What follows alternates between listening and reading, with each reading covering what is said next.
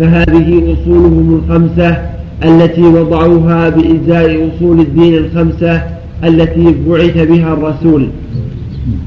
وهذه الأصول فيها من الفساد والشر ومخالفة النصوص ما لا يخفى على من له أدنى تأمل. فإن الله جل وعلا جعل أركان الإسلام خمسة على يد النبي صلى الله عليه وسلم الشهادتين والصلاة والزكاة والصيام والحج. وجعل أصول الإيمان ستة. الإيمان بالله وملائكته وكتبه ورسله واليوم الآخر بالقدر خيره وشره فقالوا هؤلاء أصول الدين خمسة. وغيروا ما جاء به النبي صلى الله عليه وسلم. فقالوا الأصول خمسة التوحيد هذا واحد. ثم فسروا التوحيد بما يخالف ما جاء به النبي صلى الله عليه وسلم. والتوحيد بين الرب جل وعلا أنه إخلاص العبادة لله وحده وكفر ما من دون الله. والايمان بالله وكفر بالطاغوت. هم جعلوا التوحيد نفي الصفات وإبطال الصفات. وأن تكون ذات مجرده عن الصفات. قالوا هذا التوحيد. فإذا اثبتت الصفات معنى ذلك ان أن هذا تشبيه له بالمخلوقات. فلم يميزوا بين صفات الخالق وصفات المخلوق. والله له صفات تليق به جل وعلا. وهو الواحد الأحد سبحانه وتعالى. هو الأول بجميع صفاته من العلم والقدرة والحياة وغير ذلك. والمخلوق له صفات تليق به. صفات جاءت بعد العدم. صفات جاءت بعد العدم. كان معدوما ثم جاء وبصفاته هذا شيء وهذا شيء. ثم تكلموا في العدل. أن الله جل هو الحكم والعدل فظنوا واعتقدوا بفساد عقولهم أن هذا العدل لا يتم إلا بإنكار القدر. إلا بقدر فلا عدل. كيف يمضي القدر؟ يقدر عليهم أشياء ثم يعاقبهم بما قدر عليهم. فاساءوا الظن بالله وشبهوا على عباد الله. والله سبحانه وتعالى له الحكمة وله التصرف في عباده وهو الحكيم العليم جل وعلا. فالعدل أنه يضع الاشياء في مواضعها سبحانه وتعالى. ويعاقب من يستحق العقاب ويثير من يستحق الثواب وينعم على عباده ما يشاء يضل من يشاء ويهدي من يشاء. له الحكمة الظالمة فهم جعلوا أصلا سوى هذا. وقالوا ألا لا عدل إلا بإنكار القدر وأن الأمر أنف كذلك المنزلة بين المنزلتين قالوا العاصي لا يكون مسلم ولا كافر ولكن من في منزلة بين المنزلتين والله جل وعلا جعل العاصي مسلما على خطر مؤمنا ناقص الإيمان ولم ينفع عنه الإيمان والإسلام جميعا بل ينفع عنه الإيمان الكامل ولكن له إيمان ناقص وهو موصوف بالإسلام مع معصيته. ما لم تخرجه معصيته عن الإيمان. فإذا أخرج معصيته عن الإيمان كانت كفرا كسب لله وسب لرسوله وعدم الإيمان بالآخرة والإيمان بوجوب الصلاة وما أشبه ذلك من امور الرده كما دامت معصيته لا تخرج عن الإسلام فهو مسلم. لا يكون منزله بين منزلتين فهو مسلم. تحت مشيئة الله إذا مات على معصيته. ثم الرابع إنفاذ الوعيد. الرسول الرابع إنفاذ الوعيد. يقولون لابد من إنفاذ الوعيد. من جاءت النصوص بأنه من أهل النار يكون من أهل النار ولا يعفى عنه ابدا. هذا من جهله. والله يقول ويغفر ما دون من يشاء سبحانه وتعالى. يعذب من يشاء ويرحم من يشاء. من المعصيه إنما تحتم النار للكفار هو الذي يتحكم في حقهم. دخول النار والخلود بها. أما العاصي فلا يتحكم في حق الله قد يعفى عنه. قد يغفر الله له معصيته. قد يشفع فيه الشفعاء فلا يدخل النار. تحت مشيئة الله. فلا يجب انفاذ الوعيد. ربنا قد يعفو ولا ينفذ الوعيد سبحانه وتعالى. ومن صفاته العظيمة ومن جميل إحسانه أن يعفو ويصفح هو العفو الكريم سبحانه وتعالى. وإنفاذ الوعيد دائما وعدم العفو ليس صفه كمال انما صفه الكمال أن يعفو إذا شاء وينفذ الوعيد إذا شاء. أما يلزم بإنفاذ الوعيد وليس له إمكان في عدم إنفاذ الوعيد هذا جهل جهل صدق. إنما الوعيد يجب إنفاذه. اوجبه سبحانه أن ينفذ ولا اوجب على نفسه. ذلك في حق الكفره كما أوجب على نفسه رحمة المؤمنين وإدخالهم الجنة فضلا منه سبحانه فجعلوا انفاذ الوعيد لازم. واتقوا واتفقوا مع الخوارج ان أن العاصي مخلد في النار. هذا رأيهم هم الخوارج. الخوارج كفروا وجعلوا مخلدا في النار. والمعتزلة لم يكفروا في الدنيا وجعلوا شيء آخر عندهم منزله من المنزلتين ولكن اتفقوا في الآخرة انه مخلد في النار. من مات وهو زاني فهو مخلد في النار. من مات ويشرب الخمر فهو مخلد في النار عندهم. من مات وقد عق والديه فهو مخلد في النار عندهم من مات وقاطع الرحم مخلد في النار عندهم من مات وقد شهد بالزور مخلد في النار عندهم الا ان يتوب قبل قبل أن يموت. وهكذا. كل عاصي مات على معصيه ما دائم ليس تحت المسجد. بل هو عندهم وعند الخوارج مخلد في النار. هذا الغلو.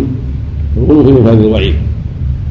وعكسه المرجئه الذي قال لا يضر مع مع الإيمان شيء والإيمان قول واعتقاد فقط ولم يجعل الأعمال من الإيمان فصار عندهم جفا. قابلوا به المعتزله والأصل الخامس الأمر بالمعروف والنهي عن المنكر. وهذا الأصل ادخلوا فيه شرا.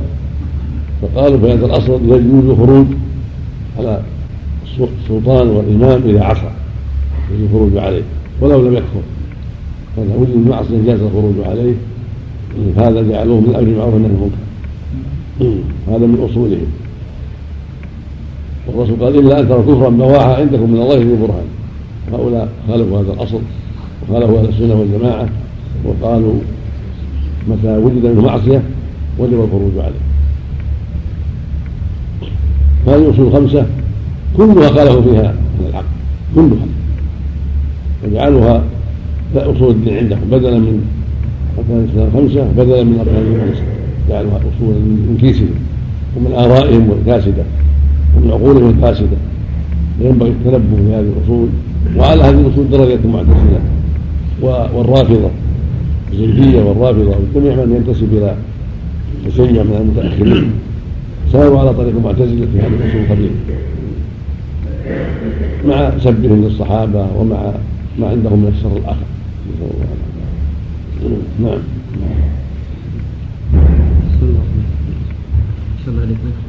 نعم نعم. نحكم بتكفيرهم بدعة على هذه الأصول ولوازم كلام بتكفيرهم منهم من كفرهم لأنها أصول واضحة الفساد قال جمع من أهل العلم. وآخرون قالوا إنهم شبه عليهم فيكونوا عصاة ولا ولا يكفرونهم وقوم فرقوا قالوا دعاتهم كفار ومقلدوهم عصاة وهو مشهور عند الحنابلة والجماعة الداعية كافر والمقلد عاصي. وظاهر النصوص تكفيرهم. ظاهر النصوص تكفيرهم وهم والخوارج. كما قال عليه وسلم مروا تمرقون الانسان ثم لا يعودون إليه. ولكن يظهر من كلام الاكثر أو الكثير عدم التكفير دليل الشبهة. نعم. هم يكون بمنزلة بين منزلتين يعني حكم عندهم زوجته المسلمة ومن ناحيه الميراث يرث في الدنيا يعامل معاملة أهل الإسلام وفي الاخره مخلد في الدنيا يعامل معاملة أهل الإسلام. هذا الظاهر نعم. والرافضة المتأخرون جعلوا الأصول أربعة التوحيد والعدل والنبوة والإمامة. أصول أهل السنة والجماعة تابعة لما جاء به الرسول وأصل يعني ذلك الرافضة الإمامة. نعم. والرافضة المتأخرون والرافضة المتأخرون جعلوا الأصول أربعة التوحيد والعدل والنبوة والإمامة. أيضا معروف عندهم أيضا الأصل الخامس. نعم.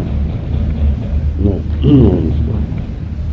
وأصول أهل السنة والجماعة التابعة لما جاء به الرسول وأصل الدين الإيمان بما جاء به الرسول كما تقدم بيان ذلك. ولهذا كانت الآيتان من آخر سورة البقرة لما تضمنتا هذا الأصل لهما شأن عظيم ليس لغيرهما. في الصحيحين عن أبي مسعود عقبة بن عمرو عن النبي صلى الله عليه وسلم أنه قال من قرأ الآيتين من آخر سورة البقرة في ليلة كفتاه وفي صحيح مسلم عن ابن عباس رضي الله عنهما قال بين جبرائيل قاعد عند النبي صلى الله عليه وسلم سمع نقيضا من فوقه فرفع رأسه فقال هذا باب من السماء فتح اليوم لم يفتح قط إلا اليوم فنزل منه ملك فقال هذا ملك نزل إلى الأرض لم ينزل قط إلا اليوم. فسلم وقال أبشر بنورين أوتيتهما لم يؤتهما نبي قبلك فاتحة الكتاب وخواتيم سورة البقرة. لن تقرأ بحرف منهما إلا أوتيته. وقال أبو طالب المكي أركان الإيمان سبعة. وهذا فضل عظيم لهذا النبي الكريم عليه الصلاة والسلام. ويحتمل هذا الحديث يحتمل أنه نزل بهما ولم ينزل بهما جبرائيل وهذا وهذا خصائص هاتين المسألتين الفاتحة والآية من البقرة ويحتمل أنه نزل بهما جبرائيل سابقا ثم نزل بهما هذا الملك لمزيد عناية. لأن الأصل أن جبرائيل هو الذي جاء بالقرآن وهو الواسطة في الوحي بين الرسل وبين الله عز وجل. هذه السورة وهاتان الآيتان نزل بهما هذا الملك ولم ينزل قبل ذلك. مع باب لم يفتح إلا ذلك اليوم.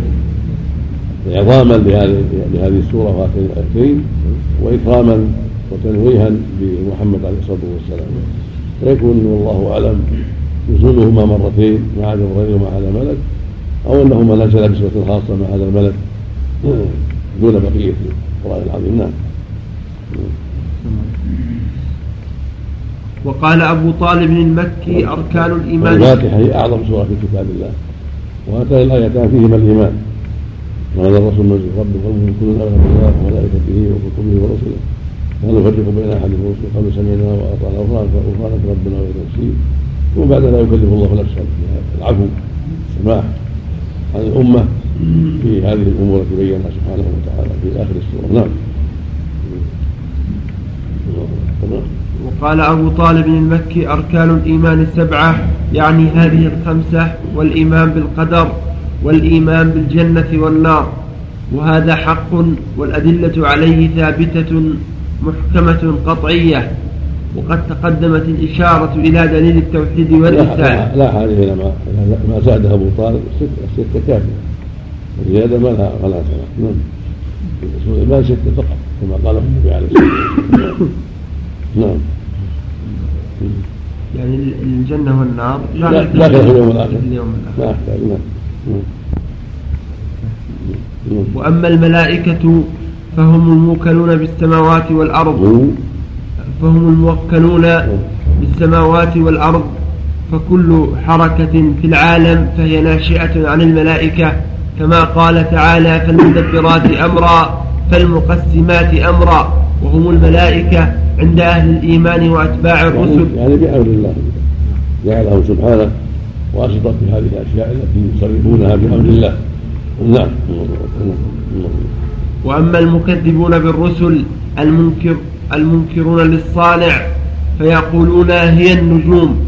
وقد دل الكتاب والسنة على أصناف الملائكة وأنها موكلة بأصناف المخلوقات وأنه سبحانه وكل بالجبال ملائكة ووكل بالسحاب والمطر ملائكة ووكل بالرحم ملائكة تدبر أمر النطفة حتى يتم خلقها ثم وكل بالعبد ملائكة لحفظ ما يعمله وإحصاؤه وكتابته. ثم وكل بالعبد ملائكة لحفظ ما يعمله وإحصائه وكتابته. ووكل بالموت ملائكة. ووكل بالموت ملائكة. ووكل بالسؤال في القبر ملائكة. ووكل بالأفلاك ملائكة يحركونها ووكل بالشمس والقمر ملائكة ووكل بالنار وإيقادها وتعذيب أهلها وعمارتها ملائكة ووكل بالجنة وعمارتها وغرسها وعمل, وعمل آلاتها ملائكة. فالملائكة أعظم جنود الله ومنهم الم... فالملائكة أعظم جنود الله ومنهم المرسلات عرفا. والناشرات نشرا الفاء وال... ومنهم المرسلات نعم. ومنهم المرسلات عرفا والناشرات نشرا. هم على الحكاية نعم. نعم. نعم. نعم. والفارقات فرقا على الحكاية ومنهم من ذكر الله في قوله والمرسلات هذا المعنى. نعم. نعم.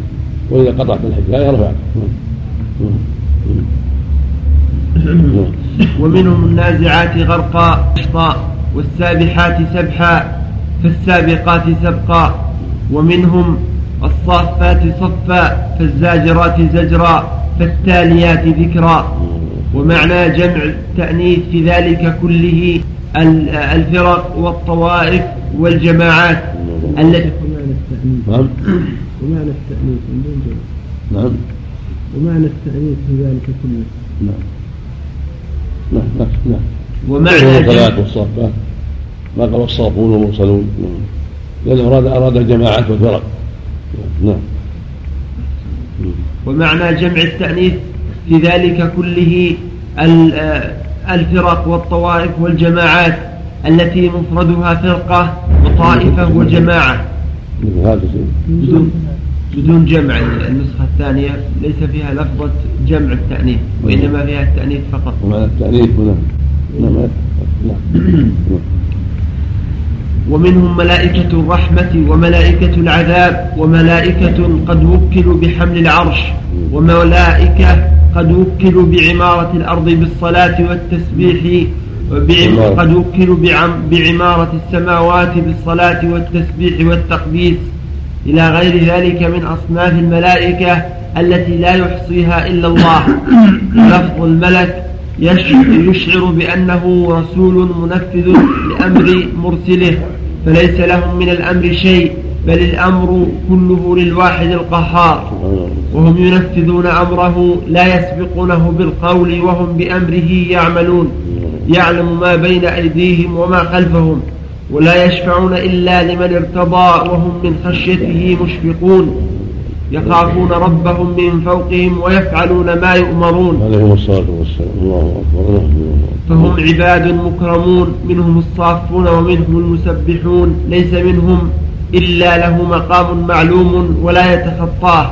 وهو على عمل قد أمر به لا يقصر عنه ولا ولا يتعداه. الله وأعلاهم الذين عنده لا يستكبرون عن عبادته ولا يستحسرون يسبحون الليل والنهار لا يفترون.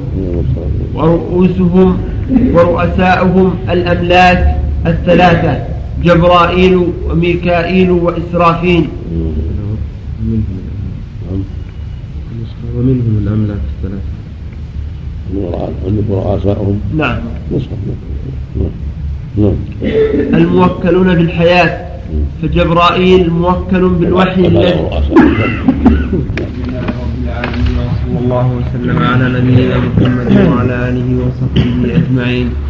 قال المؤلف رحمه الله تعالى ورؤساؤهم الأملاك الثلاثة جبرائيل وميكائيل وإسرافيل الموكلون بالحياة.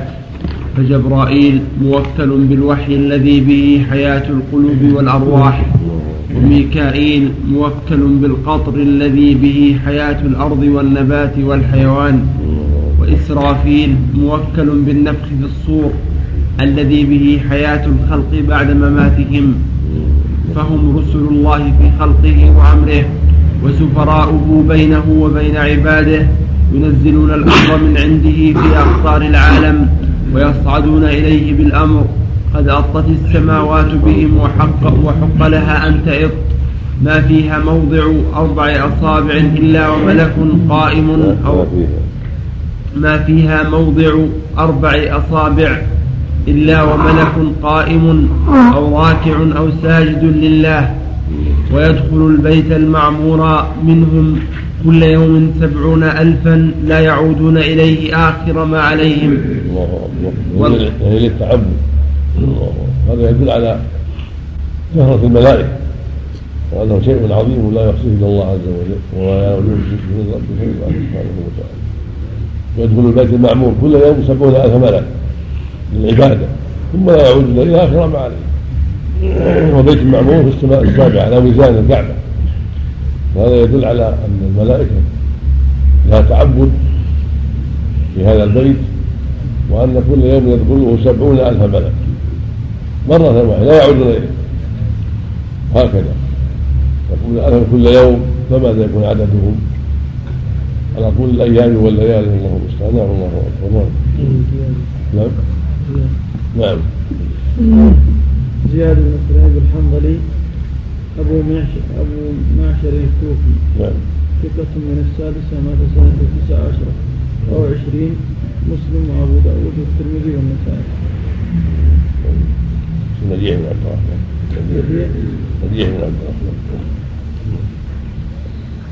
نعم. والقرآن مملوء بذكر الملائكة وأصنافهم ومراتبهم فتارة يقرن, يقرن الله تعالى اسمه باسمهم وصلاته بصلاتهم ويضيفهم إليه في مواضع التشريف وتارة يذكر حفهم بالعرش وحملهم له ومراتبهم من الدنو وتارة يصفهم بالإكرام والكرم والتقريب والعلو والطهارة والقوة والإخلاص. قال تعالى كل آمن بالله وملائكته وكتبه ورسله. شهد الله أنه لا إله إلا هو والملائكة وأولو العلم. هو الذي يصلي عليكم وملائكته ليخرجكم من الظلمات إلى النور. الذين يحملون العرش ومن حوله يسبحون بحمد ربهم ويؤمنون به ويستغفرون للذين آمنوا. وترى الملائكة حافين من حول العرش يسبحون بحمد ربهم. بل عباد مكرمون. إن الذين عند ربك لا يستكبرون عن عبادته ويسبحونه وله يسجدون. فإن استكبروا فالذين عند ربك يسبحون له بالليل والنهار وهم لا يسأمون. كراما كاتبين كرام بررة يشهده المقربون لا يستمعون إلى الملأ الأعلى. وكذلك الأحاديث النبوية. بديل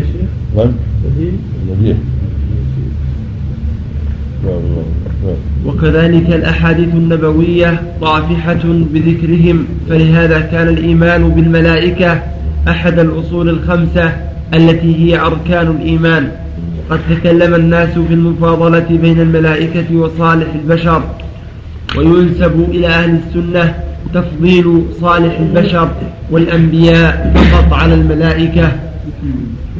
وإلى المعتزلة تفضيل الملائكة وأتباع الأشعري على قولين. منهم من يفضل الأنبياء والأولياء ومنهم من يقف ولا يقطع في ذلك قولا. وحكي عن بعضهم ميلهم إلى تفضيل الملائكة وحكي ذلك عن غيرهم من أهل السنة وبعض الصوفية. وقالت الشيعة وقالت الشيعة إن جميع الأئمة أفضل من جميع الملائكة. ومن الناس من فصل تفصيلا آخر ولم يقل أحد منهم ولم يقل أحد ممن له قول يؤثر إن الملائكة أفضل من بعض الأنبياء دون بعض.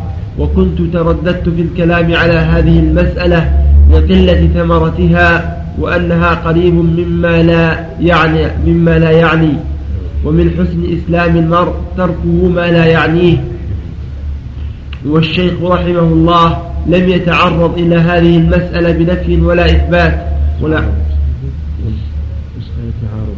تعرض يتعرض نعم نعم ولعله يكون قد ترك الكلام فيها قصدا فإن, فإن الإمام أبا حنيفة رضي الله عنه وقف في الجواب عنها على ما ذكره في معاني الفتاوى فإنه ذكر مسائل لم يقطع. لم يقطع أبو حنيفة فيها بجواب وعد منها التفضيل بين الملائكة والأنبياء وهذا هو الحق فإن الواجب علينا الإيمان بالملائكة والنبيين وليس علينا أن نعتقد أي الفريقين أفضل فإن هذا لو كان من الواجب لبين لنا نصا وقد قال تعالى اليوم أكملت لكم دينكم وما كان ربكم نسيا. وما كان ربك نسيا.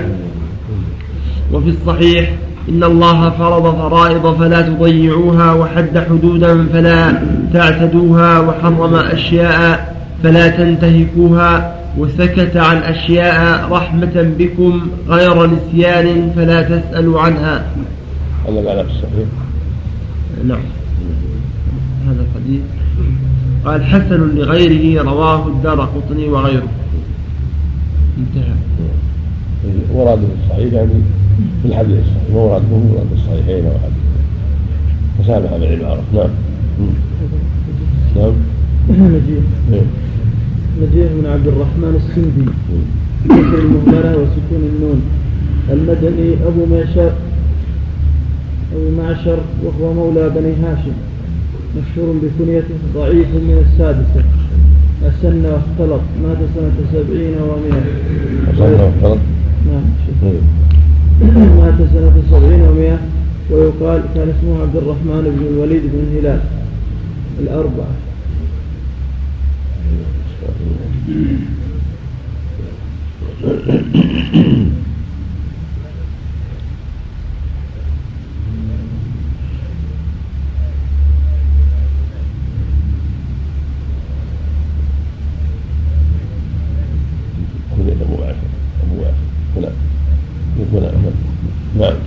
فالسكوت عن الكلام في هذه المسألة نفيا وإثباتا والحالة هذه أولى. ولا يقال إن هذه المسألة نظير غيرها من المسائل المستنبطة من الكتاب والسنة لأن الأدلة هنا متكافئة على ما أشير إليه على ما أشير إليه إن شاء الله تعالى. وحملني على بسط الكلام هنا أن بعض الجاهلين يسيئون الأدب بقولهم كان الملك خادما للنبي صلى الله عليه وسلم أو أن بعض الملائكة خدام بني آدم يعنون الملائكة الموكلين بالبشر ونحو ذلك من الألفاظ المخالفة للشرع المجانبة للأدب والتفضيل إذا كان على وجه التنقص أو الحمية والعصبية للجنس لا شك في رده وليس هذه وليس هذه المسألة نظير المفاضلة بين الأنبياء.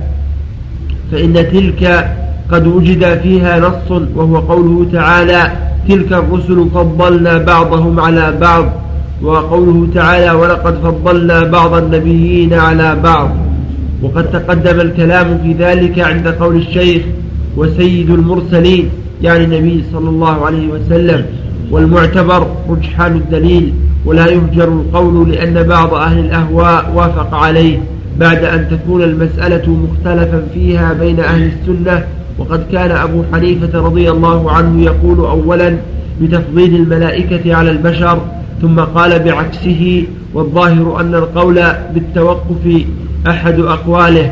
والأدلة في هذه المسألة من الجانبين إنما تدل على الفضل لا على الأفضلية ولا نزاع في ذلك. وللشيخ تاج الدين الفزاري رحمه الله مصنف سماه الإشارة في البشارة في تفضيل, في تفضيل البشر على الملك. قال في آخره اعلم أن هذه المسألة من بدع علم الكلام التي لم يتكلم فيها الصدر الأول من الأمة ولا من بعدهم من أعلام الهدى من أع... ولا من بعدهم من أعلام الأئمة. ولا يتوقف وللشيخ وللشيخ تاج الدين الفزاري مع العلم بأن أهل السنة والجماعة يقولون إن الملائكة لهم فضلهم العظيم ولكن صالح البشر من الأنبياء وأتباعهم أفضل. يحتج بأمور كما يأتي. وذلك ومن أهم ما احتجوا بما رواه الجاري رحمه الله إنسان زيد أن النبي عليه الصلاة والسلام قال لن أجعل صالح الذرية ما خلقت بيدي لمن قلت له كن فكان. وأن الصلحاء من البشر والأنبياء رسل وأتباعهم أفضل. بأمور منها هذا. ولأن الملائكة قد حفظهم الله من أسباب الفتنة. ولم يسلط على يبتليهم بالشهوات وبالشيطان. بكذا بني آدم إنهم ابتلوا بالشيطان والشهوة. ومن جاهد من نفسه لله وصابر واتقى شر نفسه وشيطانه فله منزلة عظيمة. ويأتي الكلام في هذا نعم. لله رب العالمين وصلى الله وسلم على نبينا محمد وعلى آله وصحبه أجمعين. قال المؤلف رحمه الله تعالى وللشيخ تاج الدين الفزاري رحمه الله مصنف سماه الإشارة في البشارة في تفضيل البشر على الملك. قال في آخره اعلم أن هذه المسألة من بدع علم الكلام. وللشيخ تاج الدين الفزاري رحمه الله مصنف سماه الإشارة في البشارة في تفضيل البشر على الملك. قال في آخره اعلم أن هذه المسألة من بدع علم الكلام التي لم يتكلم فيها الصدر الأول من الأمة ولا من بعدهم من أعلام الأئمة ولا يتوقف عليها أصل من أصول العقائد ولا يتعلق بها من الأمور الدينية كبير من المقاصد. ولهذا خلا عنها طائفة من مصنفات هذا الشأن وامتنع من الكلام فيها جماعة من الأعيان وكل متكلم فيها من علماء الظاهر بعلمه لم يخلو كلامه من ضعف عن ضعف واضطراب. انتهى والله الموفق للصواب. فما استدل فمما استدل به فمما استدل به على تفضيل الأنبياء على الملائكة أن الله أمر الملائكة أن يسجدوا لآدم وذلك دليل على تفضيله عليهم. ولذلك امتنع إبليس واستكبر وقال أرأيتك هذا الذي كرمت علي؟ قال الآخرون إن سجود الملائكة كان امتثالا لأمر ربهم وعبادة وانقيادا وطاعة له وتكريما لآدم وتعظيما ولا يلزم من ذلك الأفضلية كما لم يلزم من سجود يعقوب لابنه عليهما السلام تفضيل ابنه عليه. ولا تفضيل الكعبة على بني آدم بسجودهم إليها امتثالا لأمر ربهم. وأما امتناع إبليس فإنه عارض النص برأيه وقياسه الفاسد بأنه خير منه. وهذه المقدمة الصغرى والكبرى محذوفة تقديرها والفاضل لا يسجد للمفضول وكلا المقدمتين فاسدة. أما الأولى وكلتا المقدمتين فاسدة. أما الأولى فإن التراب يفوق النار في أكثر صفاته. ولهذا خان إبليس عنصره فأبى واستكبر فإن من صفات النار طلب العلو والخفة والطيش والرعونة وإفساد ما تصل إليه ومحقه وإهلاكه وإحراقه.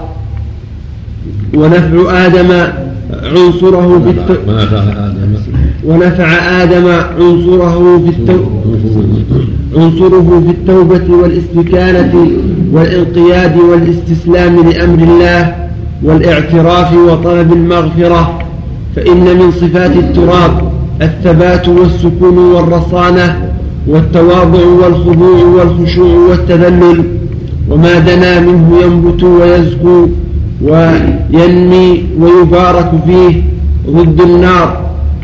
وأما المقدمة الثانية وهي أن الفاضل لا يسجد للمفضول فباطلة فإن السجود طاعة لله وامتثال لأمره ولو أمر الله عباده أن يسجدوا لحجر لوجب عليهم الامتثال والمبادرة. ولا يدل ذلك على أن المسجود له أفضل من الساجد وإن كان فيه تكريمه وتعظيمه إنما يدل على فضله. قالوا وقد يكون قوله هذا الذي كرمت عليه بعد طرده لامتناعه عن السجود له لا قبله فينتفي الاستدلال به. ومنه أن الملائكة لهم عقول وليست لهم شهوات. والأنبياء لهم عقول وشهوات فلما نهوا أنفسهم عن الهوى ومنعوها عما تميل إليه الطباع كانوا بذلك أفضل. وقال الآخرون يجوز أن يقع من الملائكة من مداومة الطاعة وتحمل العبادة وترك الولا والفتور فيها ما يفي بتجنب الملائكة بتجنب الأنبياء شهواتهم مع طول مدة عبادة الملائكة. ومنه أن الله تعالى جعل الملائكة رسلا إلى الأنبياء وسفراء بينه وبينهم. وهذا الكلام قد اعتل به من قد اعتل به من قال إن الملائكة أفضل واستدلالهم به أقوى. فإن الأنبياء المرسلين إن ثبت تفضيلهم على المرسل إليهم بالرسالة ثبت تفضيل الرسل من الملائكة إليهم عليهم فإن ثبت تفضيل الرسل من الملائكة إليهم عليهم. بالرسالة. لا إليهم بالرسالة. ثبت ثبت. ثبت تفضيل الرسل من الملائكة إليهم عليهم. فإن الرسول الملكي يكون رسولا إلى الرسول البشري ومنه قوله تعالى وعلم آدم الأسماء كلها الآيات. قال الآخرون وهذا دليل على الفضل لا على التفضيل وآدم والملائكة لا يعلمون إلا ما علمهم الله وليس الخضر أفضل من موسى بكونه علم ما لم يعلمه موسى وقد سافر موسى وفتاه في طلب العلم إلى الخضر وتزود لذلك وطلب موسى منه العلم صريحا وقال له الخضر إنك على علم من علم الله إلى آخر كلامه ولا الهدهد أفضل من سليمان عليه السلام بكونه أحاط بما لم يحط به, به سليمان عليه السلام علما. ومنه قوله تعالى ما منعك أن تسجد لما خلقت بيدي قال الآخرون هذا دليل الفضل لا الأفضلية وإلا لزم تفضيله على محمد صلى الله عليه وسلم. فإن قلتم هو من ذريته فمن ذريته البر والفاجر بل يوم القيامة إذا قيل لآدم ابعث من ذريتك بعثا إلى النار قال يبعث من كل ألف تسعمائة. قال بل يوم, يوم القيامة إذا قيل لآدم ابعث من ذريتك بعثا إلى النار يبعث من كل ألف تسعمائة وتسعة وتسعين إلى النار. يبعث. من كل ألف تسعمائة وتسعة وتسعين إلى النار وواحدا إلى الجنة. فما بال هذا التفضيل سرى إلى هذا الواحد من الألف فقط. ومنه قول عبد الله بن سلام رضي الله عنه ما خلق الله خلقا أكرم عليه من محمد صلى الله عليه وسلم. الحديث. الشرع أحسن. قال المستدرك بسند صحيح عنه وصححه هو والذهبي. حاكم الذهبي. نعم. نعم. انتهى. نعم. الحديث فالشأن في ثبوته وإن صح عنه فالشأن في ثبوته في نفسه فإنه يحتمل أن يكون من الإسرائيليات.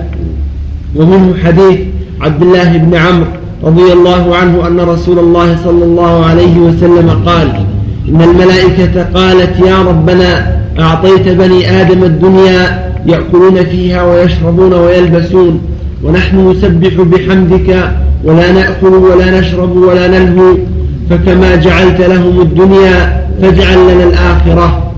قال لا أجعل صالح ذرية ومن ذلك ومن حديث عبد الله بن عمرو رضي الله عنه أن رسول الله صلى الله عليه وسلم قال إن الملائكة قالت يا ربنا أعطيت بني آدم الدنيا يأكلون فيها ويشربون ويلبسون ونحن نسبح بحمدك ولا نأكل ولا نشرب ولا نلهو فكما جعلت لهم الدنيا فاجعل لنا الآخرة. قال لا أجعل صالح ذرية من خلقت صالح ذرية من خلقت صالح ذرية. صالح ذرية من خلقت بيدي كمن قلت له كن فكان. هذا هذا الحديث هو أصرح ما في الباب. الحديث أصرح ما في الباب. وقد احتج به والعباد بن تيمية وابن القيم وغيرهم وذكروا ما يدل على سلامة سنده. يقول لن أجعل صالح الذرية من خلقت بيدي كما يقول كل مكان صريح في أن ذرية بني آدم الصالحون أفضل من الملائكة. والحديث أخرجه عثمان بن سعيد الدارمي رحمه الله في رده على مسلم الديسي وظاهر ما ذكره الأئمة أن إسناده جيد ما تكلم عنه عليه. نعم. قال ضعيف كما أشار إليه المصنف. وأما وأما تعقب الشيخ أحمد شاكر عليه بقوله هكذا أعل الشارح الحديث إسنادا ومثنى وما أصاب في ذلك السداد إذ قصر في تخريجه إذ قصر في تخريجه. أما رواية الطبراني فإنها ضعيفة حقا بل غاية في الضعف. فقد نقلها ابن كثير في التفسير بإسنادها من المعجم الكبير ونقلها الهيثمي في معجم الزوائد وقال في مجمع الزوائد وقال رواه الطبراني في الكبير والأوسط. وفيه إبراهيم بن عبد الله بن خالد المصيصي وهو كذاب متروك. وفي إسناد الأوسط طلحة بن زيد وهو كذاب أيضا فهذان إسنادان لا نعبأ بهما. ولكن الحديث رواه الإمام عثمان بن سعيد الدارمي في كتاب الرد على المريسي بإسناد صحيح مطولا. رواه عن عبد الله بن صالح عن الليث بن سعد عن هشام بن سعد عن زيد بن أسلم عن عطاء بن يسار عن عبد الله بن عمرو بن العاص وهذا إسناد لا مغمز فيه وقد أشار إليه الحافظ ابن كثير في التاريخ مختصرا من رواية عثمان بن سعيد وأشار إلى صحته. وأما رواية عبد الله بن أحمد بن حنبل هذا هو المعروف المعروف. سند عثمان بن سعيد. فإنه جيد وسليم جزم من أبو العباس بن تيمية وابن القيم جزموا بأن هذا حجة قائمة في تفضيل صالح بني آدم على الملائكة. يقول لن أجعل صالح ذريتي من خلق من يديك من تكن مكان. وهذا هو مذهب أهل السنة والجماعة مذهب أهل السنة والجماعة وأن صالح البشر أفضل من الملائكة لأن صالح البشر خلقوا لعبادة الله وابتلوا ابتلوا بالشهوات وابتلوا بالشيطان ومن سلم منهم وعافاه الله صار أفضل من الملائكة الذين حفظوا من الشيطان حفظوا من الشهوات. فالذي يكابد الشهوات ويكابد الشيطان ويجاهد نفسه في ذلك ليس مثل الذي حفظ وسلم. بينهما فرق عظيم. وهذا السند الذي ذكره. عثمان لا بأس به. بن سعد جيد في عن زيد بن أسلم. وليس به بأس. عبد الله بن صالح جيد وان كان له بعض الاقام نعم. وأما رواية عبد الله بن أحمد بن حنبل فإنها من زياداته في كتاب السنة الذي رواه عن أبيه. فقال عبد الله حدثني الهيثم بن خارجة حدثنا عثمان بن علاق وهو عثمان بن حصن بن حصن بن علاق وكتب في المطبوعة محصن خطأ سمعت عروة. بن رويم يقول أخبرني الأنصاري عن النبي صلى الله عليه وسلم فهذا إسناد ظاهره الصحة أيضا وإن لم أستطع أن أجزم بذلك لأن عروة ابن رويم لم يصرح فيه بأن الأنصاري الذي حدثه به صحابي فجهالة الصحابي لا تضر. وهو يروي وهو يروي عن أنس بن مالك الأنصاري فإن فإنه فإن يكنه يكن الإسناد صحيحا. حدثني الهيثم بن خارجة حدثنا عثمان بن علاق وهو عثمان بن حصن بن علاق وكتب في المطبوعة محصن خطأ. سمعت عروة بن رويم يقول أخبرني الأنصاري عن النبي صلى الله عليه وسلم فهذا إسناد ظاهره الصحة أيضا وإن لم أستطع أن أجزم بذلك لأن عروة بن رويم لم يصرح فيه بأن الأنصاري الذي حدثه به صحابي. فجهالة الصحابي لا تضر. وهو يروي عن أنس بن مالك الأنصاري فإن يكنه يكن الإسناد صحيحا. وهذا محتمل جد و... سمعت الأنصاري يقول سمعت الأنصاري يقول. سمعت أخبرني سمعت عروة بن رويم يقول أخبرني الأنصاري. عن النبي صلى الله عليه وسلم. فهذا إسناد ظاهره الصحة وإن لم أستطع أن أجزم بذلك لأن عروة لم يصرح فيه بأن الأنصاري الذي حدثه به صحابي فجهالة الصحابي لا تضر وهو يروي عن أنس بن مالك الأنصاري فإن يكنه يكن الحديث صحيحا وهذا محتمل جدا وإن كنت لا أقطع به فإن الحديث ذكره ابن كثير في التفسير نقلا عن ابن عساكر بإسناده إلى عثمان بن علاق. سمعت عروة بن رويم اللخمي حدثني أنس بن مالك عن النبي صلى الله عليه وسلم. فهذا قد قد يرجح أن الأنصاري في رواية عبد الله بن أحمد هو أنس بن مالك الأنصاري. ولكن إسناد ابن عساكر لم لم يتبين لي صحته من ضعفه. وأيا ما كان فرواية عبد الله بن أحمد ورواية ابن عساكر تصلحان للاستشهاد وتؤيدان صحة حديث عبد الله بن عمرو بإسناد الدارمي. أما إعلانه من جهة المتن والمعنى فإنه غير جيد ولا مقبول فإن الملائكة لم يعترضوا بهذا على ربهم ولم يتبرموا بأحوالهم وإنما سألوا ربهم وهم عباد مطيعون يرضون بما أمرهم الرب تبارك وتعالى إذا لم يستجب دعاءهم. ومثال ذلك الآيات في خلق آدم في أول سورة البقرة أتجعل فيها من يفسد فيها ويسفك الدماء ونحن نسبح بحمدك ونقدس لك؟ قال إني أعلم ما لا تعلمون. قلت فلا نرى فيه ما ينهض على تصحيح الحديث. وإليك البيان بإيجاز.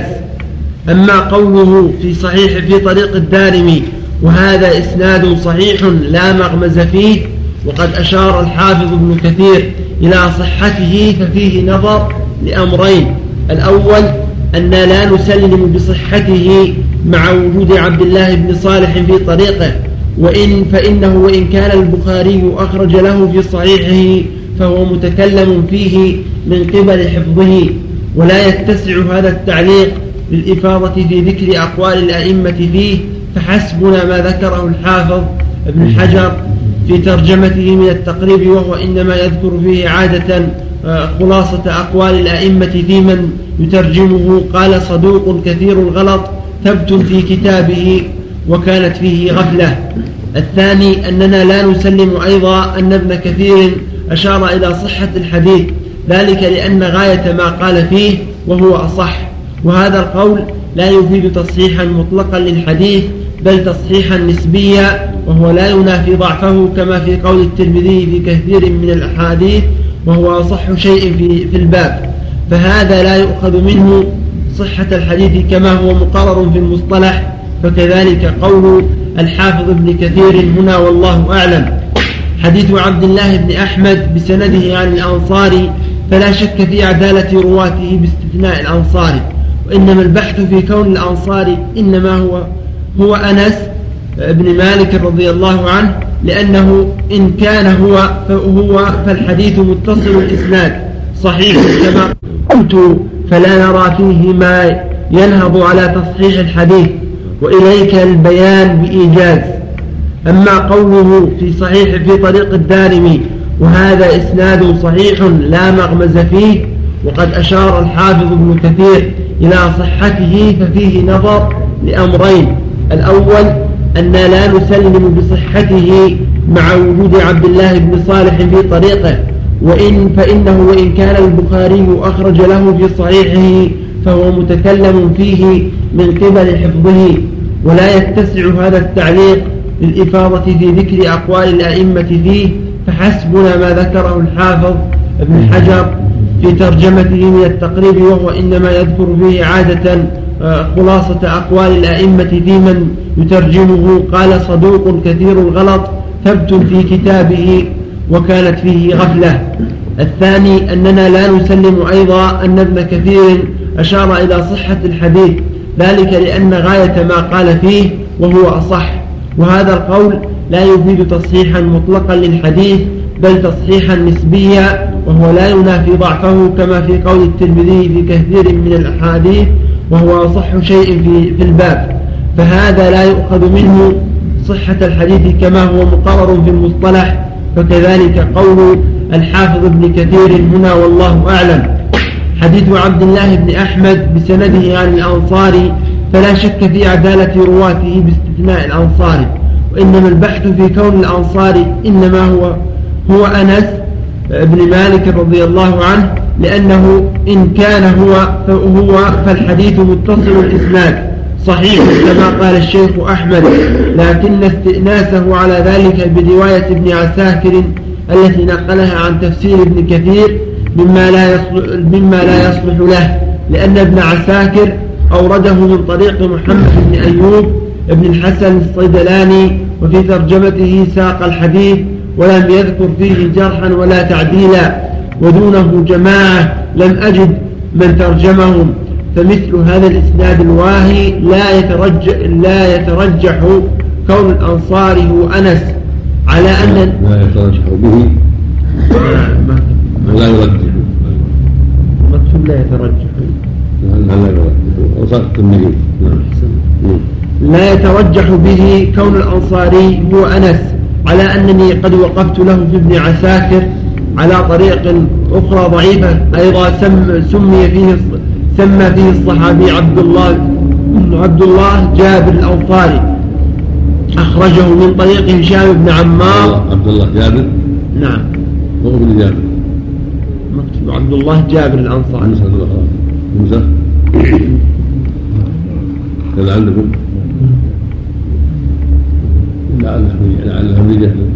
نعم. من طريق هشام بن عمار حدثنا عبد, عبد ربه بن صالح القرشي قال سمعت عروة بن رويم يحدث عن جابر بن عبد الله الأنصاري مرفوعا به. والقرشي هذا لم أجد له ترجمة وهشام بن عمار وإن أخرج له البخاري فهو متكلم فيه أيضا. قال الحافظ في التقريب صدوق مقرئ كبر فصار يتلقن.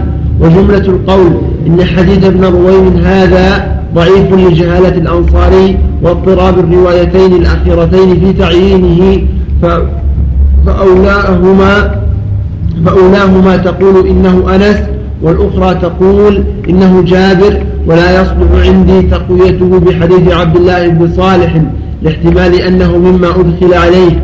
قال ابن حبان كان في نفسه صدوقا إنما وقعت المناكير بحديثه من قبل جار له كان بينه وبينه عداوة كان يضع الحديث على شيخ أبي صالح ويكتبه بخط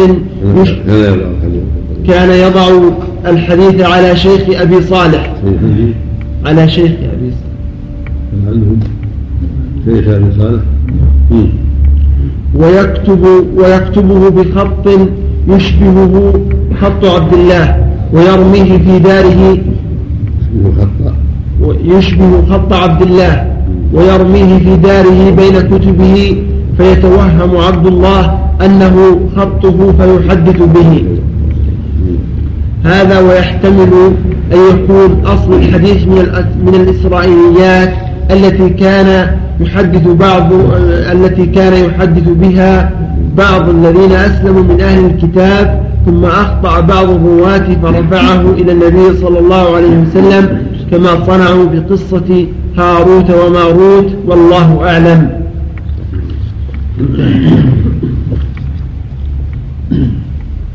لقب الله أعلم. مثل ما قال المحققين.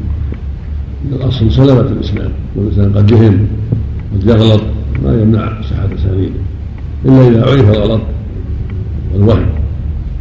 ولو أن كل واحد له أوهام بطلت حديثه لبطل شيء كثير. لكن الأصل في الثقة والصدوق السلام. حتى يتبين وجه الخطأ.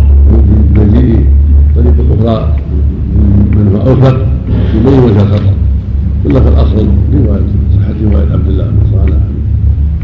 شيوخه الا ما ثبت خطأه فيه. نعم. لكن شيخ عن كأنه يرى أنه يضاعف الاضطراب باسم الصحابي. لا ذاك عبد الله بن عساكر ما ذاك بن عساكر الصحابي.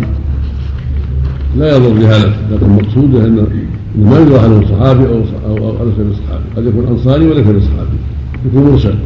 لا يكون متصل عن النبي صلى الله عليه وسلم هذا المراد فالأنصار فيهم صحابي وفيهم تابعون. فإذا كان من روايه أبو هريره عن أنصار تابعي يكون مرسل فإذا صرح به عرف صرح به أنس أو جابر صار متصلا لا لا مرسلا نعم. ومن جهة إعلاله من جهة المعنى والمتن. لا مكس لا مكس يسألون ويجيبهم ما في ما في ما في هذا نكارة نعم. والمسألة ليست من أهمية المكان. سواء فضل هؤلاء على هؤلاء أو هؤلاء على هؤلاء. لا ما لها كبيرة أهمية. صالح صالح البشر والملائكة كلهم في خير عظيم وفضل كبير. سواء فضل هؤلاء على هؤلاء أو هؤلاء على هؤلاء. فالمسألة يعني ليست مثل ما قال من تقدم الغزالي ليس من أهمية المكان. وما ذهب السنة مع هذا؟ يرون تفضيل الأنبياء والرسل وصالح البشر على الملائكة. للأسباب المتقدمة. نعم والمعتزلة وجماعة المعون يقولون لا الملائكة أفضل لأنهم معصومون محفوظون من المعاصي هم أفضل. وفي كل حال فقول أهل السنة أظهر وأبين. نعم. أخرج نعم.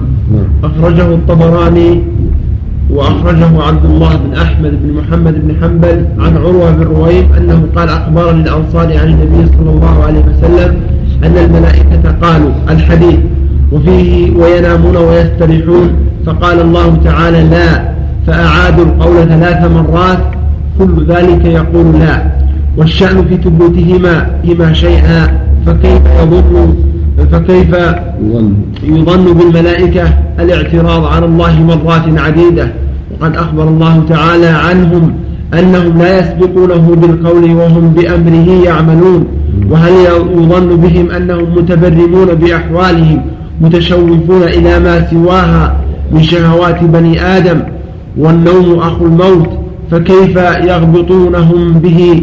وكيف يظن بهم أنهم يغبطونهم باللهو وهو من الباطل؟ قالوا بل الأمر بالعكس فإنما فإن إبليس إنما وسوس إلى آدم ودلاه بغرور إذ أطمعه في أن يكون ملكا بقوله. مل أحد القولين هو ملكا مثل ما في آية. طه نعم. في أن يكون ملكا آه، بقوله ما نهاكما ربكما عن هذه الشجرة إلا أن تكونا ملكين أو تكونا من الخالدين من الخالدين. على قول ملكين أو نعم نعم. نعم. فدل على فدل أن أفضلية الملك أمر معلوم مستقر في الفطرة. يشهد لذلك قوله تعالى حكاية عن النسوة اللاتي قطعن أيديهن عند رؤية يوسف وقلن حاش لله ما هذا بشرا. إن هذا إلا ملك كريم. وقال تعالى قل لا أقول لكم عندي خزائن الله ولا أعلم الغيب ولا أقول لكم إني ملك. قال الأولون إن هذا إنما كان لما هو مركوز في النفس أن الملائكة خلق جميل عظيم مقتدر على الأفعال الهائلة خصوصا العرب فإن الملائكة كانوا في نفوسهم من العظمة بحيث قالوا إن الملائكة بنات الله تعالى الله عن قولهم علوا كبيرا. كذلك. ومنه قوله تعالى إن الله اصطفى آدم ونوحا وآل إبراهيم وآل عمران على العالمين. قال الآخرون قد يذكر العالم العالمون ولا يقصد بهم ولا يقصد به العموم المطلق. بل في كل مكان بحسبه كما في قوله تعالى ليكون للعالمين نذيرا. قالوا أولم ننهك عن العالمين؟ أتأتون الذكران من العالمين؟ ولقد اخترناهم على علم ولقد ولقد اخترناهم على علم على العالمين.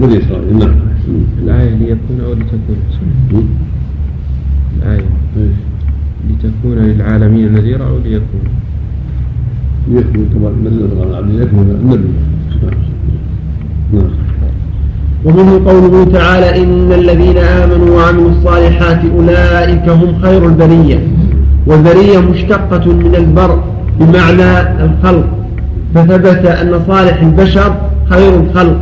قال الآخرون إنما صاروا خير البرية لكونهم آمنوا وعملوا الصالحات والملائكة في هذا الوصف أكمل لأنهم لا يسأمون ولا يكترون فلا يلزم أن يكونوا خيرا من الملائكة. هذا على قراءة من قرأ البريئة بالهمز وعلى قراءة من قرأ بالياء. إن قلنا إنها مخففة من الهمزة وإن قلنا إنها نسبة إلى البري وهو التراب. كما قاله الفضاء فيما نقله عنه الجوهري في الصحاح. يكون المعنى أنهم خير أنهم خير من خلق أنهم خير من خلق من التراب. فلا عموم فيها إذ الغير من خلق من التراب. قال الأولون فلا عموم فيها إذ الغير من خلق من التراب. لغيره فلا حول فيها لغيره من خلق. يعني الفائدة إذ لأن الملائكة خلقوا من النور ما خلقوا من التراب. نعم. قال الأولون إنما تكلمنا في تفضيل صالح البشر إذا كملوا بسم الله الرحمن الرحيم. الحمد لله رب العالمين وصلى الله وسلم على نبينا محمد وعلى آله وصحبه أجمعين.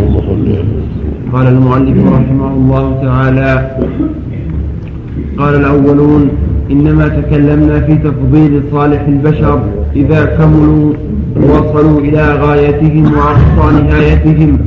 وذلك إنما يكون إنما يكون إذا دخلوا الجنة ونالوا الزلفى وسكنوا الدرجات العلى وحباهم الرحمن بمزيد قربه وتجلى لهم ليستمعوا بالنظر إلى وجه ليستمتعوا بالنظر إلى وجهه الكريم وقال الآخرون الشأن في أنهم هل صاروا إلى حالة يفوقون فيها الملائكة أو يساوون أو يساوي يساوونهم فيها فإن كان قد ثبت لهم أنهم يصيرون إلى حال يفوقون فيها الملائكة سلم المدعى وإلا فلا.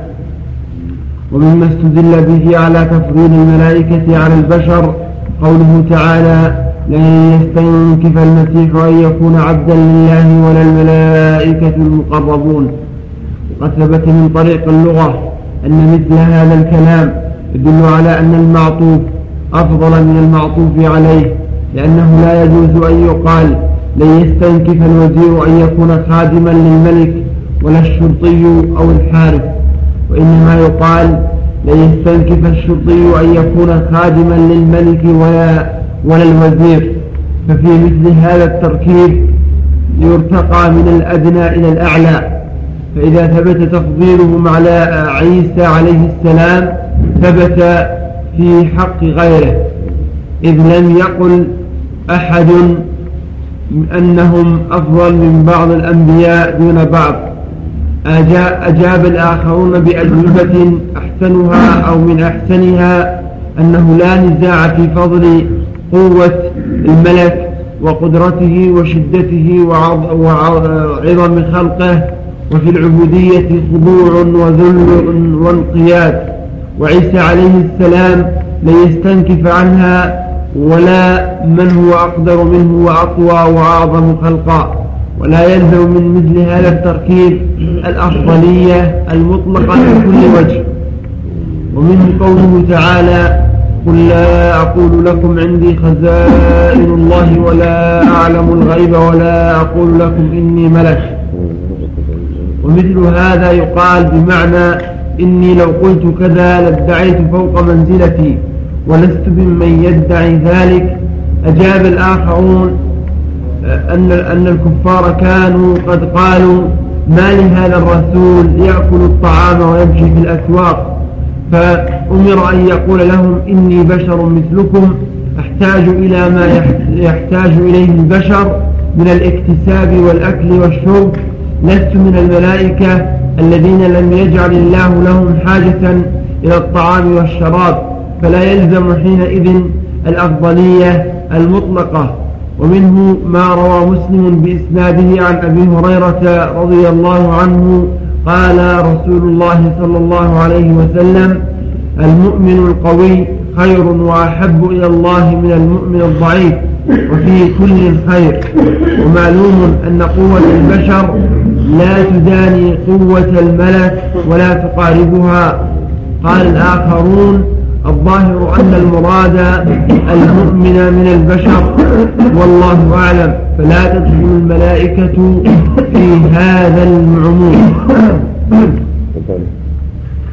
ومنه ومعلوم أن قوة البشر لا تداني قوة الملك ولا تقاربها. قال الآخرون الظاهر أن المراد المؤمن من البشر. والله أعلم. فلا تدخل الملائكة في هذا العموم.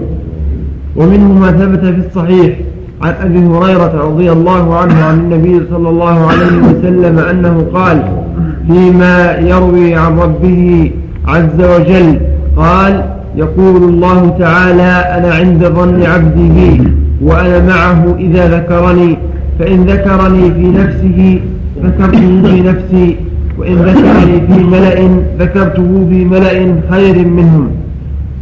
الحديث وهذا نص بالأفضلية قال الآخرون يحتمل أن يكون المراد خيرا منه للمذكور لا الخيرية المطلقة.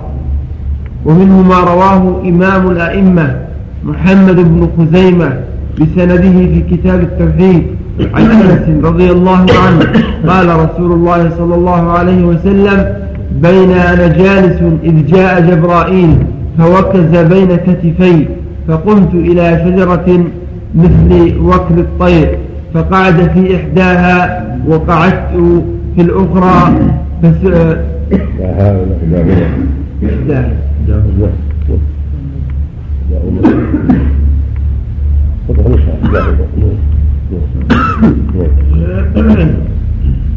فسمت وارتفعت حتى سدت الخافقين. فسمت وارتفعت حتى سدت الخافقين وأنا أقلب بصري ولو شئت أن أمس السماء أن أمس السماء مسست فنظرت إلى جبرائيل كأنه حلث حلث لاطئ فعرفت فضل علمه بالله علي.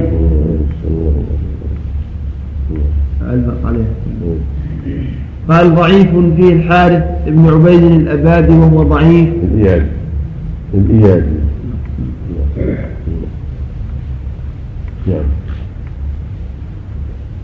وفيه الحارث بن عبيد الإيادي وهو ضعيف لسوء حفظه. وقول الشيخ أحمد شاكر تكلم فيه بغير حجة والراجح توثيقه مردود. فقد قال فيه الإمام أحمد مضطرب الحديث. وقال أبو حاتم ليس بالقوي يكتب حديثه ولا يحتج به.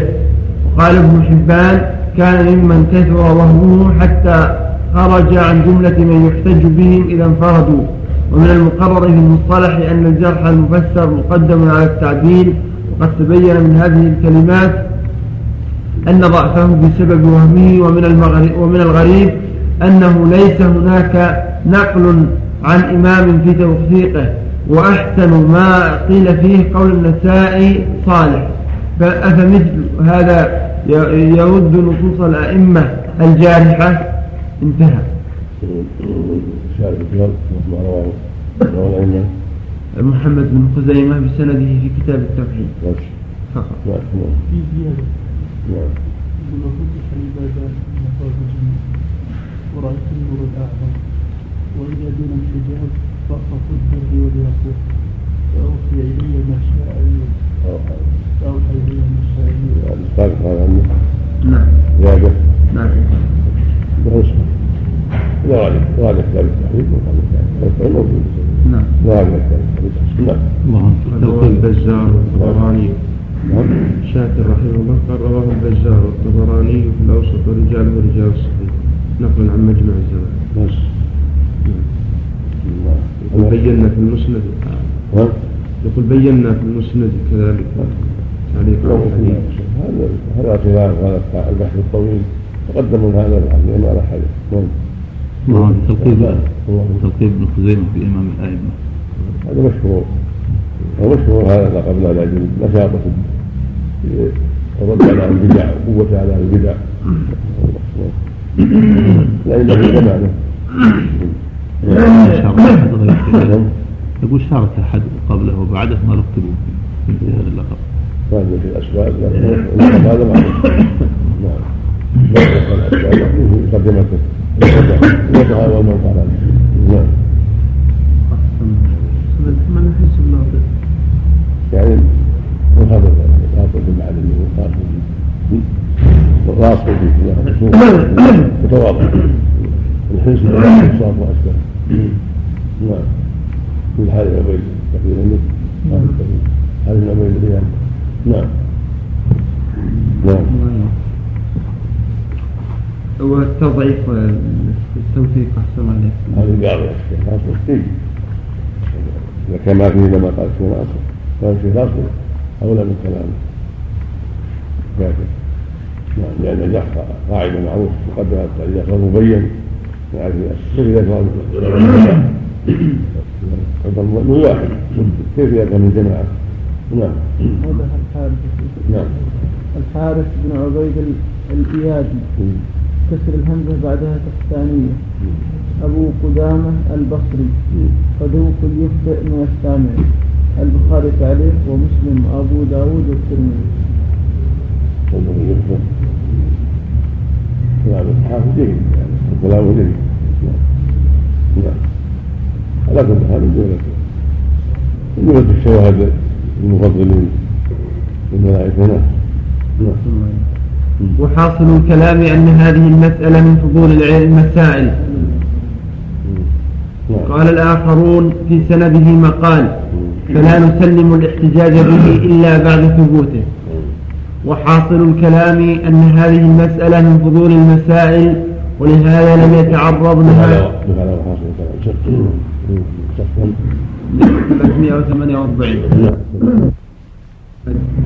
هذا هو حاصل الكلام شك شك 348 وعلى آله وصحبه أجمعين.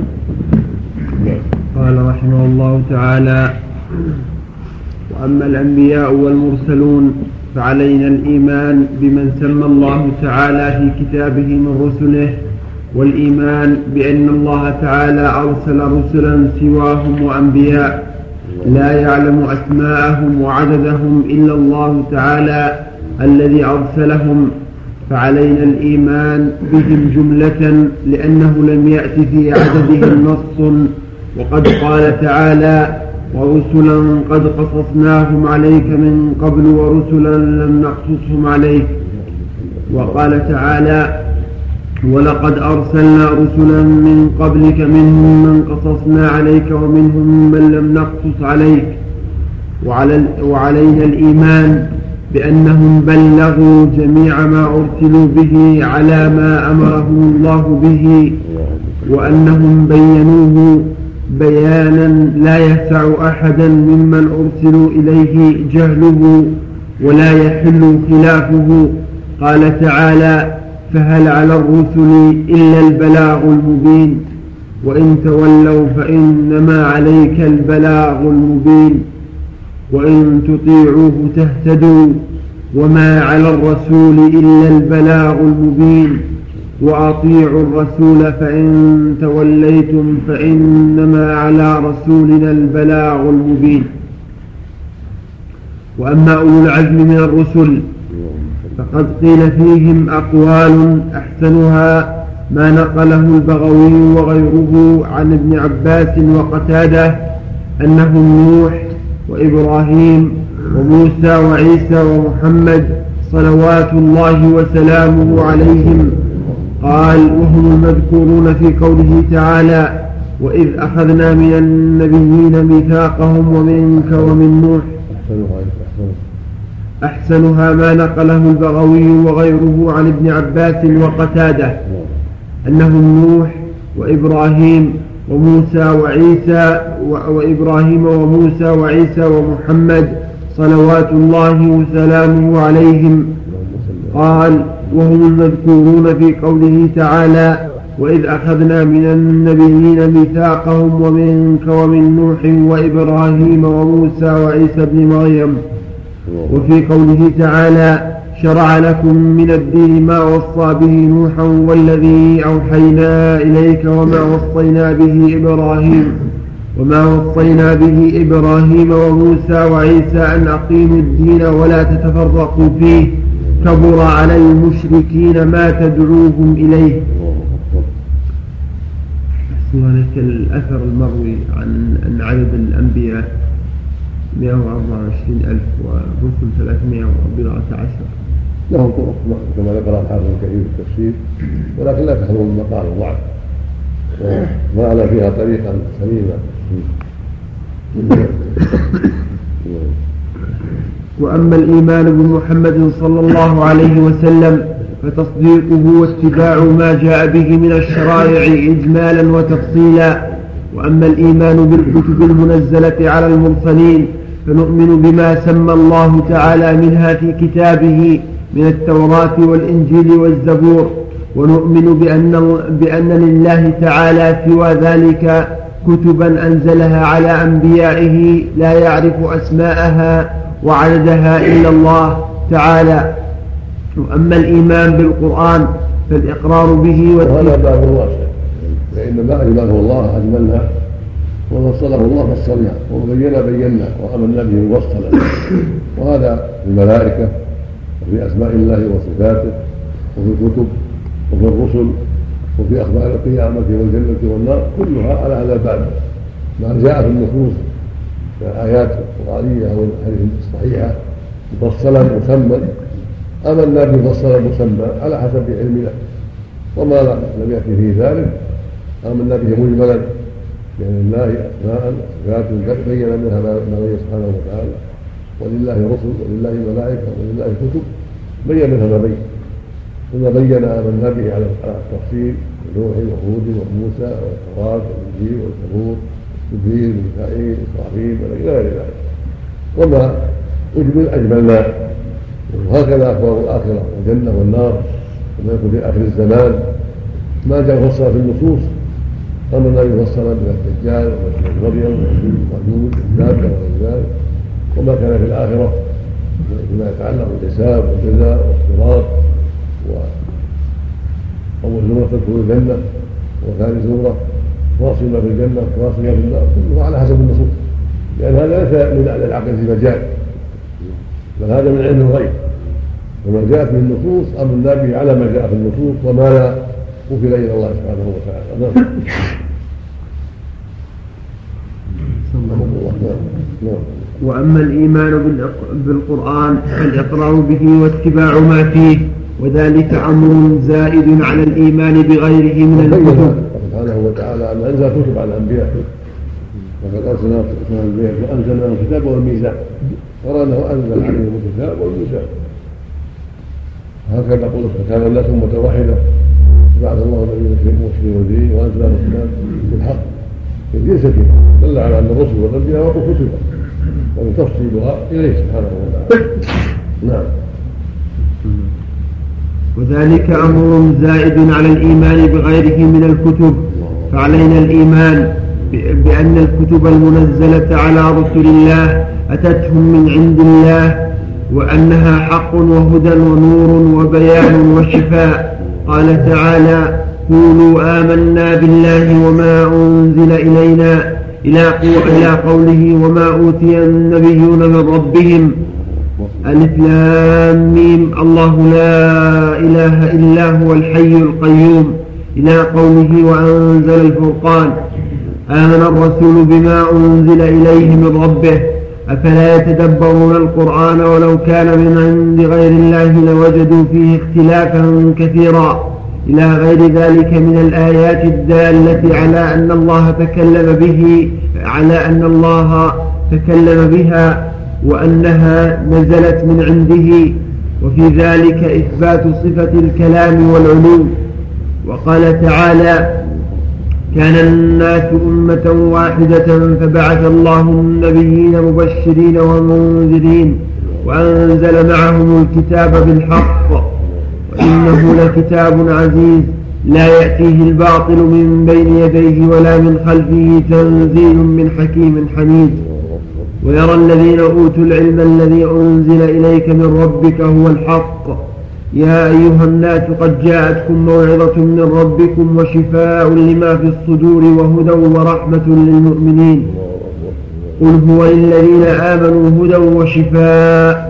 فآمنوا بالله ورسوله والنور الذي أنزلنا وأمثال ذلك في القرآن كثيرة. وأمثال ذلك في القرآن كثيرة. قوله وهي هدى وهي شفاء وهي رحمة.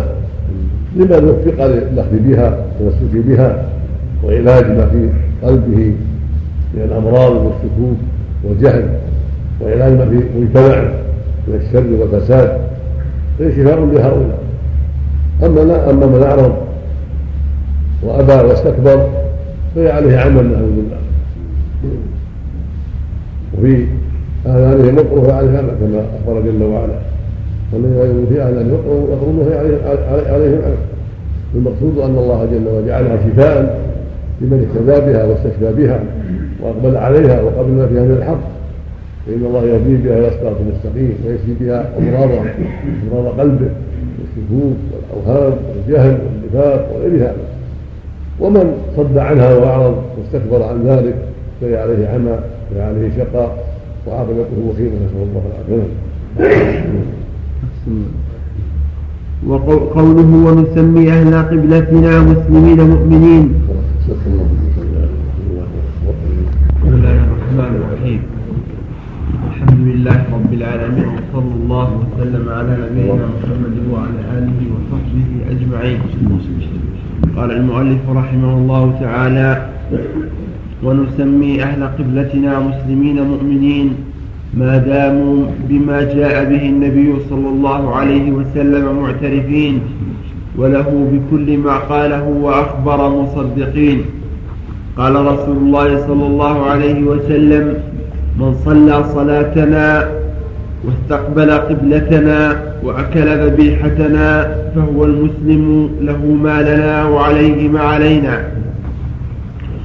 ويشير الشيخ رحمه الله بهذا الكلام إلى أن الإسلام والإيمان واحد وأن المسلم لا يخرج من الإسلام بارتكاب الذنب ما لم يستحله والمراد بقوله أهل قبلتنا من يدعي الإسلام ويستقبل الكعبة وإن كان من أهل الأهواء أو من أهل المعاصي ما لم يكذب بشيء مما جاء به الرسول صلى الله عليه وسلم. وسيأتي الكلام على هذين المعنيين عند قول الشيخ ولا نكفر أحدا من أهل القبلة بذنب ما لم يستحله وعند قوله والإسلام والإيمان واحد وأهله في أصله سواء قوله ولا نخوض في الله ولا نماري في دين الله. يشير الشيخ وهذا وهذا كما يأتي فيه التفصيل. أهل السنة والجماعة لهم في هذا قولان احدهما ان الإسلام والإيمان شيء واحد. سواء اجتمعا أو افترقا هما شيء واحد فالإسلام الخضوع لله بالأوامر الظاهرة والإيمان الاعتراف بالقلب والتصديق بالقلب خلاف النفاق. قال قوم أهل السنة والجماعة هما واحد اذا انفرد أحدهما عن الآخر. فهما واحد ان الدين عند الله الإسلام يعني والإيمان. وان هذا الحديث الصحيح لما ينبضه سبعون شعبة. يعني والإسلام داخل فيه أما إذا اجتمع في نص فإن الإسلام هو الأعمال الظاهرة والإيمان هو الأعمال الباطنة. كما في حديث حين سالنا عن الله النبي الإسلام بالأعمال الظاهرة صلى الله الإيمان بالإيمان بالأعمال الباطنة. فلا منافاة فلا إسلام إلا بإيمان ولا إيمان إلا بالإسلام. لكن الإيمان أخص. وهكذا قصة الأعراب لما قالوا آمنا قال الله قل لم تؤمنوا ولكن قلوا أسلمنا. فالإيمان أخص وأكمل. كل مؤمن مسلم لا العكس. فالإسلام دائرته أوسع يدخل فيه الفاسق والمبتدع إذا تكن بدعته إلى الكفر ويدخل فيه المؤمن المستقيم. والإيمان أخص. المؤمن عند الإطلاق هو الذي استكمل هذا الواجب وابتعد عن المحرم ولم يصر على معصية. فصار أخف ويأتي تفصيله إن شاء الله على كلام المؤلف. كما قال الإسلام والإيمان واحد. نعم. وأهلهما وأهلهما في أصله وأهل أهله في أصله سواء. يأتي نعم. نعم. قوله الله لا نكفر واحدا من قبله بذنب ما لم يستحله فقط. نعم. يعني دون الشرك. مراد دون الشرك. دون ما يسمى شركا نعم. نعم. نعم. سائر المعاصي والبدع. نعم. قوله هذا ولا قول أهل السنة في الجملة. كان نعم. كان كان هذا قول أهل السنة في الجملة. يقصد التكذيب فقط يقول ما لم يكذب سبقا. نعم. ما لم نعم يكذب يعني معنى هذا الاستهزاء مثل مثل لو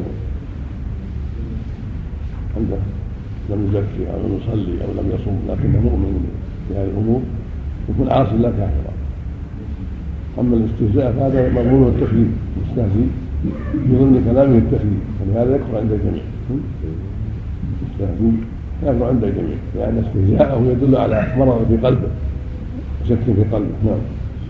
نسال الله العافيه نعم الاستهزاء مو تكميل الابحاث اللي من جانب الكون ولا يدل على استخفاف بالدين يعني لا ليس عنده ايمان يرجع. الله العافية. نعم. كيف المصر على معاصيه؟ يدخل في قوله تعالى هواه من هذا الوجه من وجه اتباع الهوى.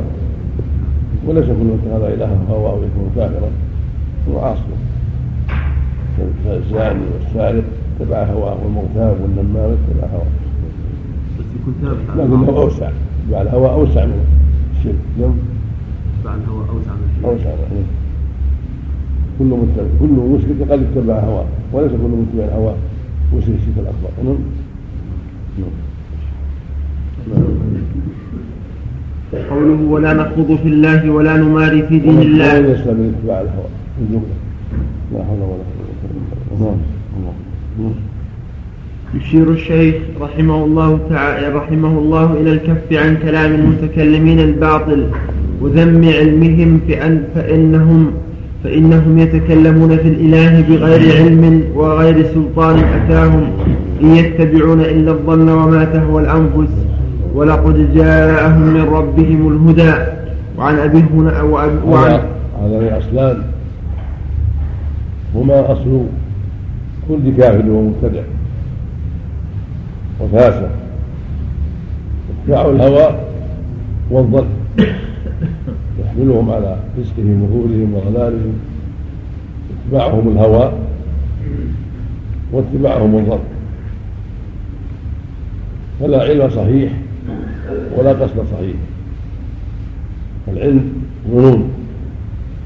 والقصد مدهور باتباع الهوى. بخلاف الموحد المؤمن فإنه يتبع الحق ولا ينقاد للهوى. بل يخلص لله وحده سبحانه وتعالى. العلم صحيح. لا عن جهل نعم.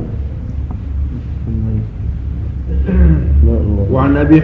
وعن... وعن أبي حنيفة رحمه الله أنه قال لا ينبغي لأحد أن ينطق في ذات الله بشيء بل يصفه بما وصف به نفسه وقال بعضهم الحق سبحانه يقول من ألزمته القيام مع أسمائي وصفاتي ألزمته الأدب ومن كشفت له حقيقة ذاتي ألزمته العطب فاختر الأدب أو العطب ويشهد لهذا أنه سبحانه لما كشف للجبل عن ذاته ساخ الجبل وتدكدك ولم يثبت على عظمة الذات قال الشبلي الانبساط بالقول قال الشبلي الانبساط بالقول مع الحق ترك الأدب نعم لا لا الشبه لا لا لا تصور نعم حطها نسخة وقوله ولا نماري في دين الله. معناه لا نخاصم أهل الحق بإلقاء شبهات أهل الأهواء عليهم التماسا لامترائهم وميلهم لأنه في معنى الدعاء إلى الباطل وتلبيس الحق وإفساد دين الإسلام. قوله ولا نجادل في القرآن ونشهد أنه كلام رب العالمين نزل به الروح الأمين فعلمه سيد المرسلين محمدا صلى الله عليه وآله وسلم. وهو كلام الله تعالى. لا يساويه شيء من كلام المخلوقين ولا نقول بخلقه ولا نخالف جماعة المسلمين. كلام الشبلي عفوا سليم. كلام الشبلي. الانبساط بالقول مع الحق ترك الأدب. يعني وهذا التكلف يعني تكلف تنكيب عن أشياء ما لك نشهد بها علم ما مثل ما وقع فيه وفاة القدر والمجبرة وأشباهه يعني توسع في الأقوال في ذات الرب وصفاته على غير دليل يفضي إلى معاطب كثيرة. إما إلى الإلحاد وقول وحدة الوجود وإما إلى إنكار القدر وإما إلى جبر والعياذ بالله وإما إلى ما هو شر من ذلك من انسلاخ الدين نسأل الله العافية والشك فالواجب على المسلم التأدب بالآداب الشرعية والوقوف مع النصوص وعدم الوسع والدخول في أبواب الله ليس له فيها أساس ولا أصل. وترك ما لا يعلمه علم ترك الدخول بما لا يعلمه علم. ولهذا قالوا في هذا الباب أسماء الله وصفة توقيفية. ليس للعقل فيها مجال. فلا نثبت إلا ما أثبته الله ورسوله ولا ننفيه إلا ما نفاه الله ورسوله. وما سوى ذلك نقف لا علم لنا إلا ما علمنا قال أحمد رحمه الله لا يوصف الله إلا بما وصف بنفسه ووصف به رسوله عليه الصلاة والسلام. لا لا التزام القرآن والحديث. وهذا هذا معنى كلام غيره. والوجه في ذلك أن العقل جاء عاجز عن أن يعرف تفاصيل صفات الله عز وجل. لأنه لا مثل له ولا تنقل حتى حتى يقاس على غيره. ومن لا مثل له كيف تعلم صفاته بغير نص منه؟ قال هذا الحق الذي لا ريب فيه وما قال أهل السنة والجماعة. أن الواجب الوقوف مع النصوص والحذر من الخروج عنه في باب أسماء الله وصفاته. كما الواجب في باب اسماء من الدين وباب التكفير هو الوقوف مع النصوص والحذر من تحكيم الاراء بغير حجة. لا يعرف بعضها بالعقل بعض الصفات أنه خالق واحد انه رازق. هي جاءت بما يوافق العقل. نعم. هي جاءت بما يوافق العقول السليمة. نصوص. نعم. جاءت بما يوافق العقول الصحيحة السليمة. والفطر الصحيحه نعم. لكن تفاصيلها ليس للعقل بها مجال. إنما يعرف منها جملة. من خلاق رزاق مدبر عالم إلى غير ذلك نعم. لكن التفاصيل ليس له فيها قدرة نعم. ولهذا قال العلامة الشيخ ابن تيمية رحمه الله صلى الله عليه وسلم في كتاب المشهور مطابقة. صريح المنقول نعم. صريح صحيح المنقول لصريح المعقول والنقول الصحيحة موافقة للعقول الصحيحة والفطر السليم. لكن ليس لها المجال في التفصيل في الجملة نعم. هل المقصود الالتزام بالألفاظ؟ لأننا أحيانا إذا خاطبنا غير العرب نستعمل ألفاظ. توضح المعنى. نعم. ما بأس. توضح المعنى. لا تفرق عن النصوص. نعم. نعم. هنا أسماء وصفات معلومة بالعقل والنص جميعا العقل جميعا والنص جميعا والنقل. وهناك صفات لا لا, لا مجال للعقل. فيها نعم. جنس الإيمان بوجود الله وأنه علم بكل شيء وانه قادر على كل شيء وانه خالق لهذا العالم وأشباه هذه أمور معلومة بالنقل والعقل جميعا. لكن أمور أخرى الضحك نعم. وأشباه ذلك النزول إلى غيرها من الصفات التي تحتاج إلى نقل. نعم. نعم. يقول بعض السلف لا أدري نصف العلم. لا أدري نصف العلم. لأن الأشياء قسمان قسم تعلمه وقسم لا تعلمه. صار لما كان له نصف.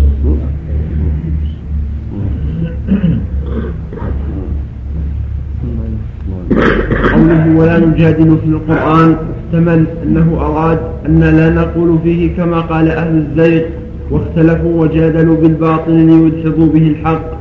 بل نقول إنه كلام رب العالمين نزل به الروح الأمين إلى آخر كلامه. ويحتمل أنه أراد أن لا نجادل في القراءة الثابتة بل نقرأه بكل ما ثبت وصح وكل من المعنيين حق. ويشهد بصحة المعنى الثاني ما روي عن عبد الله بن مسعود رضي الله عنه أنه قال سمعت رجلا قرأ آية سمعت رسول الله صلى الله عليه وسلم يقرأ خلافها فأخذت بيده فانطلقت به إلى رسول الله صلى الله عليه وسلم فذكرت ذلك له فعرفت في وجهه الكراهة وقال كلاكما محسن لا تختلفوا فإن من كان قبلكم اختلفوا فهلكوا. رواه مسلم. نهى رسول الله صلى الله عليه وسلم عن الاختلاف الذي فيه جحد كل واحد من المختلفين مع ما مع صاحبه من الحق لأن كلا القارئين كان محسنا فيما قرأه وعلل ذلك بأن من كان قبلنا اختلفوا فهلكوا.